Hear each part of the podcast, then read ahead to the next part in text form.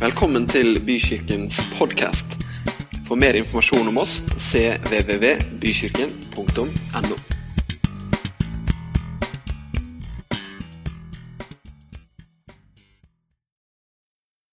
Skal vi be sammen. Kjære far, vi takker deg for at eh, din trofasthet, den er stor. Takk for at vi har deg som vi kan søke tilflukt til. Vi har deg som vi kan legge våre bekymringer på. Vi har deg som gir oss nytt mot og ny kraft og nytt liv. Takk for at du er med her i dag. Takk for at ditt ord er levende, og takk for at du er en som alltid kommer med håp og med nytt mot og med sannhet inn i våre liv. Amen. Fantastisk. Stor er din trofasthet. Dere, vi skal dele Guds ord sammen, sånn som vi gjør hver eneste søndag. Og det ser jeg virkelig fram til.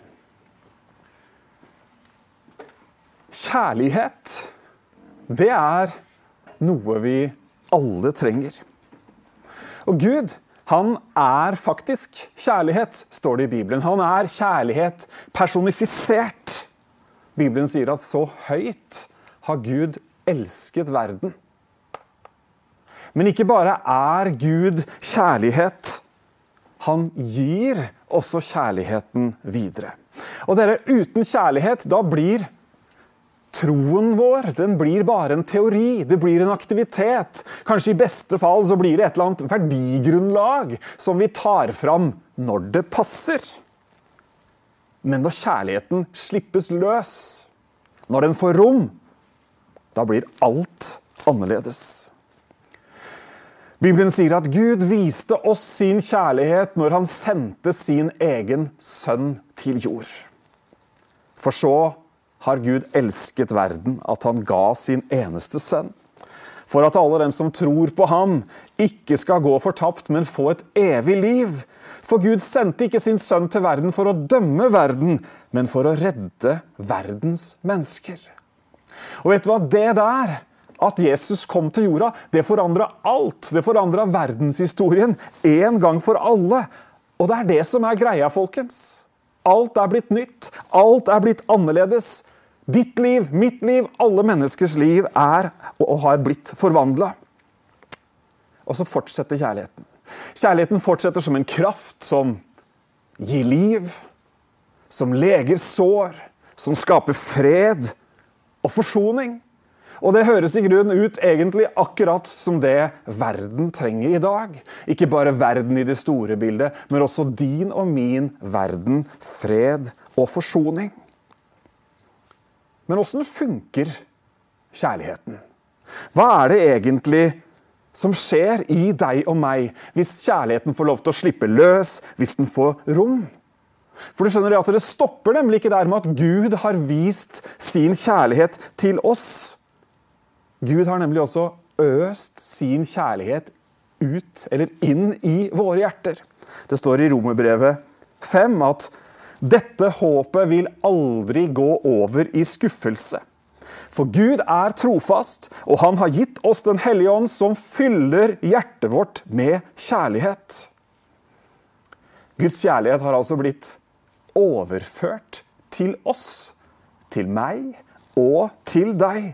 Åssen ser det ut da? I hverdagslivet vårt? Åssen ser det ut i praksis? Det skal vi komme tilbake til. Men før det så har jeg lyst til å dele noen ord med deg, som ikke er mine egne ord, men som er ord fra, fra Bibelen, som sier nettopp noe om hvordan denne kjærligheten mellom oss opererer. Paulus kommer med følgende oppfordring. Vis hverandre ekte kjærlighet. Avsky det som er ondt, og hold dere til det som er godt. Vis hverandre søskenkjærlighet, og sett andre foran dere selv. En annen av apostlene, Peter, sier følgende. Så et ord til dere. Vær samstemte. Ha medlidenhet med hverandre.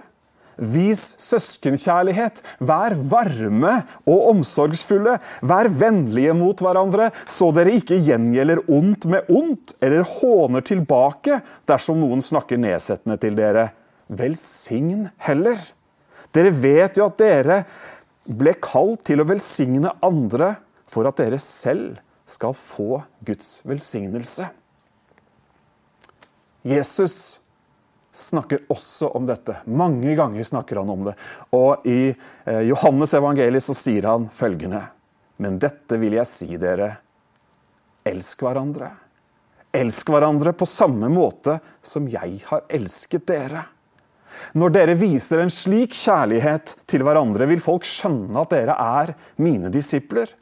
De vil se det på den kjærligheten dere viser til hverandre. Åssen funker den kjærligheten i praksis? Det er fine ord.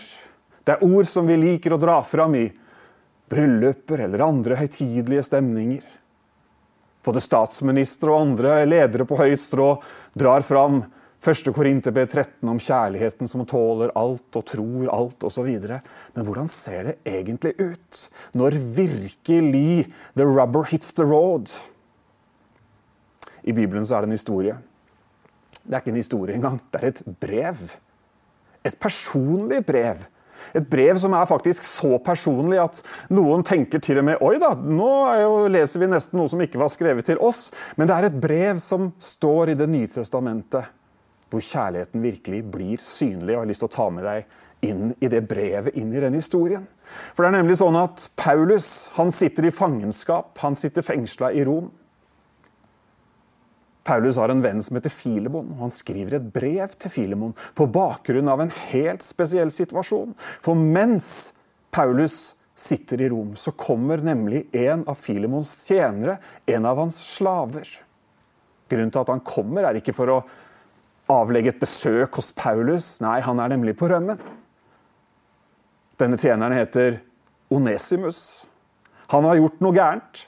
Det står ikke i brevet akkurat hva han har gjort, men det er tydelig at han har gjort noe av en sånn alvorlighetsgrad at han faktisk har rømt fra sin herre.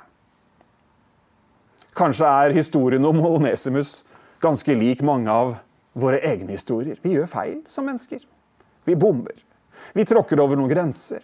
Plutselig så befinner vi oss i en situasjon hvor vi aldri hadde drømt om at vi skulle havne. Som pastor så møter jeg stadig mennesker som plutselig befinner seg i en situasjon de aldri hadde sett for seg å være i. Men midt i denne historien her så skriver da altså Paulus et brev, egentlig nesten på vegne av Onesimus.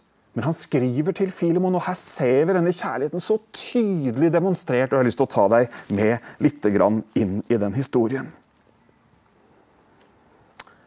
Paulus begynner brevet til Filemon, eh, og vi leser i vers eh, Du kan finne fram Bibelen, da, for du får ikke alle versene her nå. Men er, Filemon er bare ett kapittel og noen få vers, så det er veldig enkelt å finne fram. Men i begynnelsen der i vers 4 så skriver Paulus, jeg takker Gud for deg, Filemon, og nevner deg i mine bønner. Jeg blir så glad når jeg hører om din tro på Herren Jesus og den store kjærligheten du viser til andre. Vet du hva, jeg tror Den første måten vi ser at kjærligheten fungerer på, er nemlig at kjærligheten er takknemlig for det beste i andre mennesker. Du vet, du har sikkert vært med på sånne uh, aktiviteter i, i, i, bøker og i blader osv. Så sånn, sånn Finn fem feil. Noen mennesker de lever hele livet sitt med finn fem feil hos andre. Istedenfor å finne det beste, så er det finn fem feil. Vi er så flinke til å finne hvordan, å sette ord på hvordan noe skulle vært annerledes. De skulle heller vært sånn. Man burde heller hadde handla på den måten osv. Ut fra hvordan vi ville hatt det. Hvorfor er det så? Hvorfor, så, hvorfor har vi en sånn hang til å finne fem feil istedenfor å finne noe fint? Er det fordi vi er så utrolig selvsentrerte, eller har vi rett og slett liksom bare tatt Frank Sinatras 'My Way' litt sånn hardt innover oss og tenker at alt skal liksom passe mitt mønster? Hvis du slipper kjærligheten til, så kommer takknemligheten for det beste i andre fram. Da ser du de andre, og så tenker du OK, ja ja, det er jo mange ting. Et menneske består av mange ting. Men du fokuserer på det beste. Kjærligheten finner det beste, er takknemlig for det beste i de andre menneskene rundt oss. Ta en titt en gang til. Ser du noe fint? Hører du noe fint? Registrerer du noe bra? Vær takknemlig for det. Det andre som vi ser i denne historien, hvor, eller i dette brevet som Paulus skriver til Filemon, er at han har et sånt utrolig sterkt motiv. Nemlig hva er det beste for Onesimus? Hva er det beste for den andre? Hva er det beste for de som er involvert i denne situasjonen? I vers 10 så står det Derfor vil jeg komme med en bønn til deg. Ikke som gjelder meg, men for en bønn som gjelder min sønn Onesimus. Jeg er blitt en åndelig far for han mens jeg har vært her i fangenskap. Åssen funker kjærligheten når den slipper løs? Den funker akkurat sånn som en farskjærlighet funker overfor et barn. Man ordner. Man fikser, man arrangerer, man tar den vanskelige praten, man tar utfordringen, man legger til rette fordi at man vil jo det beste for den andre.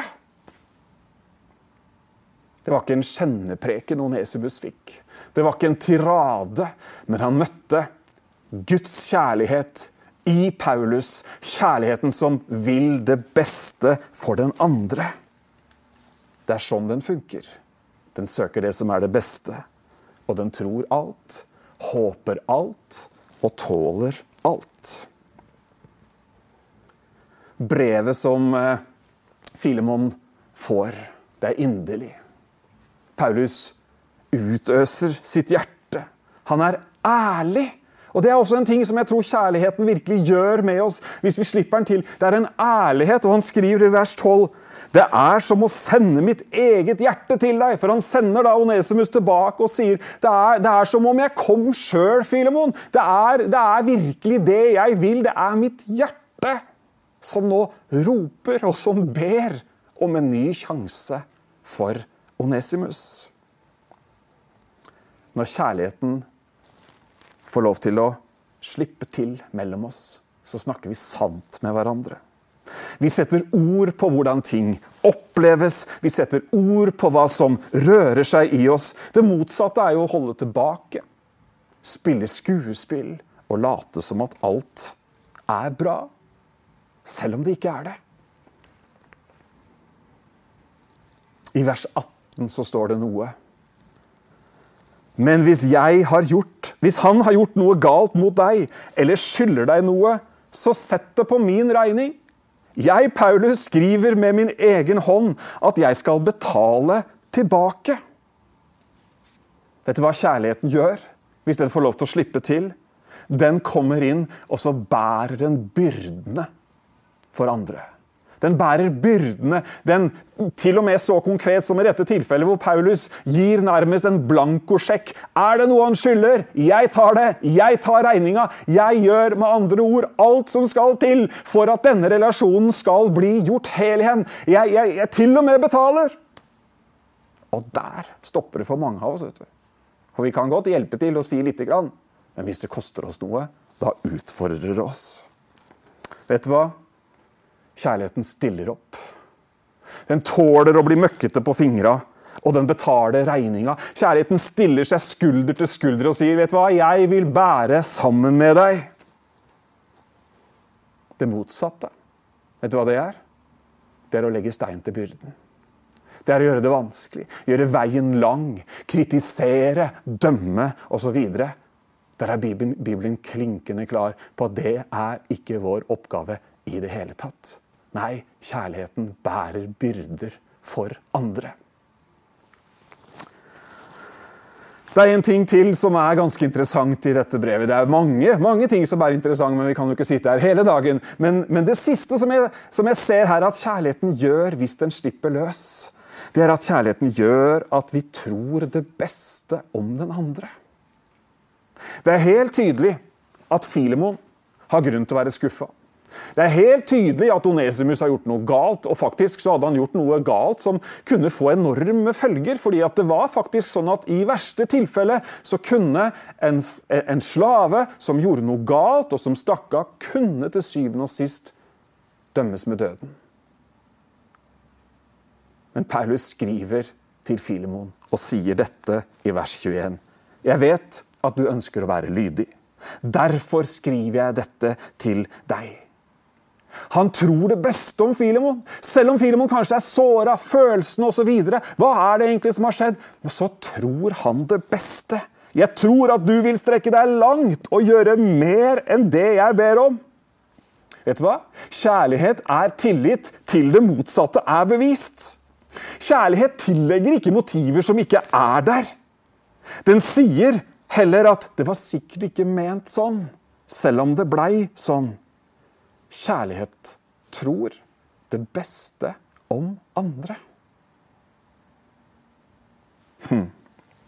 Motsatsen, det er at vi mistenkeliggjør. Vi stiller spørsmål ved alt. Vi tillegger motiver. Ingenting tas opp i beste mening, men alt males bare i svart. Man er stolt, man blir bitter, og så blir det en avstand etablert i hjertet. Det er ikke det kjærligheten ønsker å gjøre i det hele tatt. Den ønsker å gjøre det motsatte. Den ønsker å komme med fred, med forsoning. Og det starter når vi tror det beste om vår neste. Bibelens klare budskap, vi har allerede lest flere skriftsteder, er at vi skal slippe kjærligheten til. Ikke ha kjærligheten som en sånn intellektuell kunnskap, akkurat som en bok som står i hylla. Vi vet hvor boka står, men vi lever ikke etter boka i det hele tatt. Det er så lett å vite, det er så lett å mene, det er så lett å si de rette tingene. Og ofte når vi gjør det, så er det egentlig bare en sånn rettferdiggjørelse av vårt eget ståsted.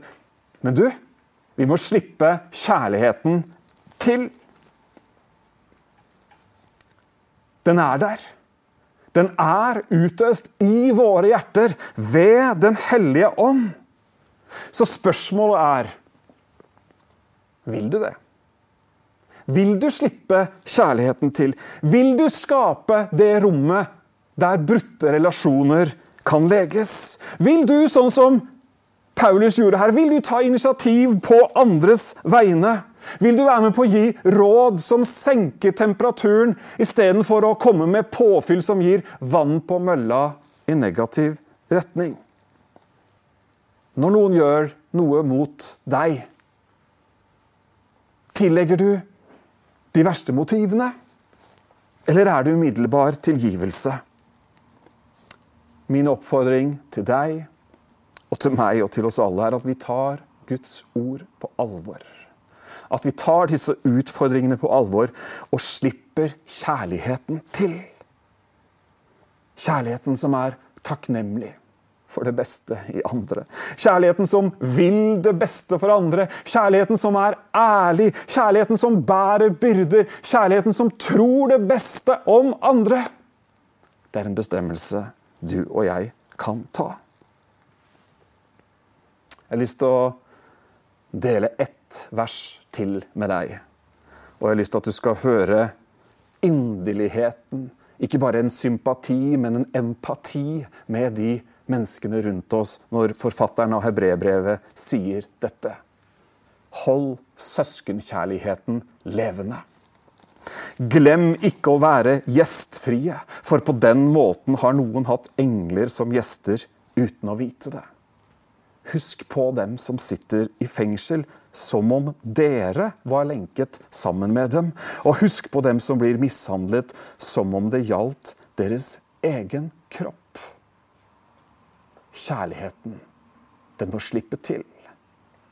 Og den fungerer sånn at den gjør noe med oss, den gjør noe med menneskene rundt oss.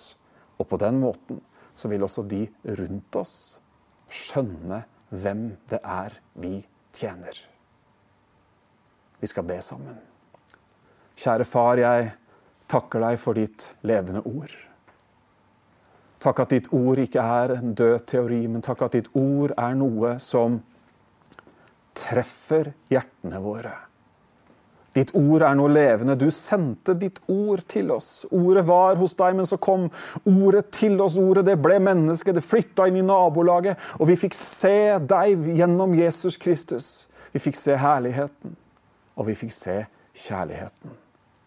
Jeg ber om at det vi har delt i dag, er noe som ikke bare var gode ord, men som treffer oss, og som utfører noe i livene våre når vi hører og når vi gjør etter dem. Amen.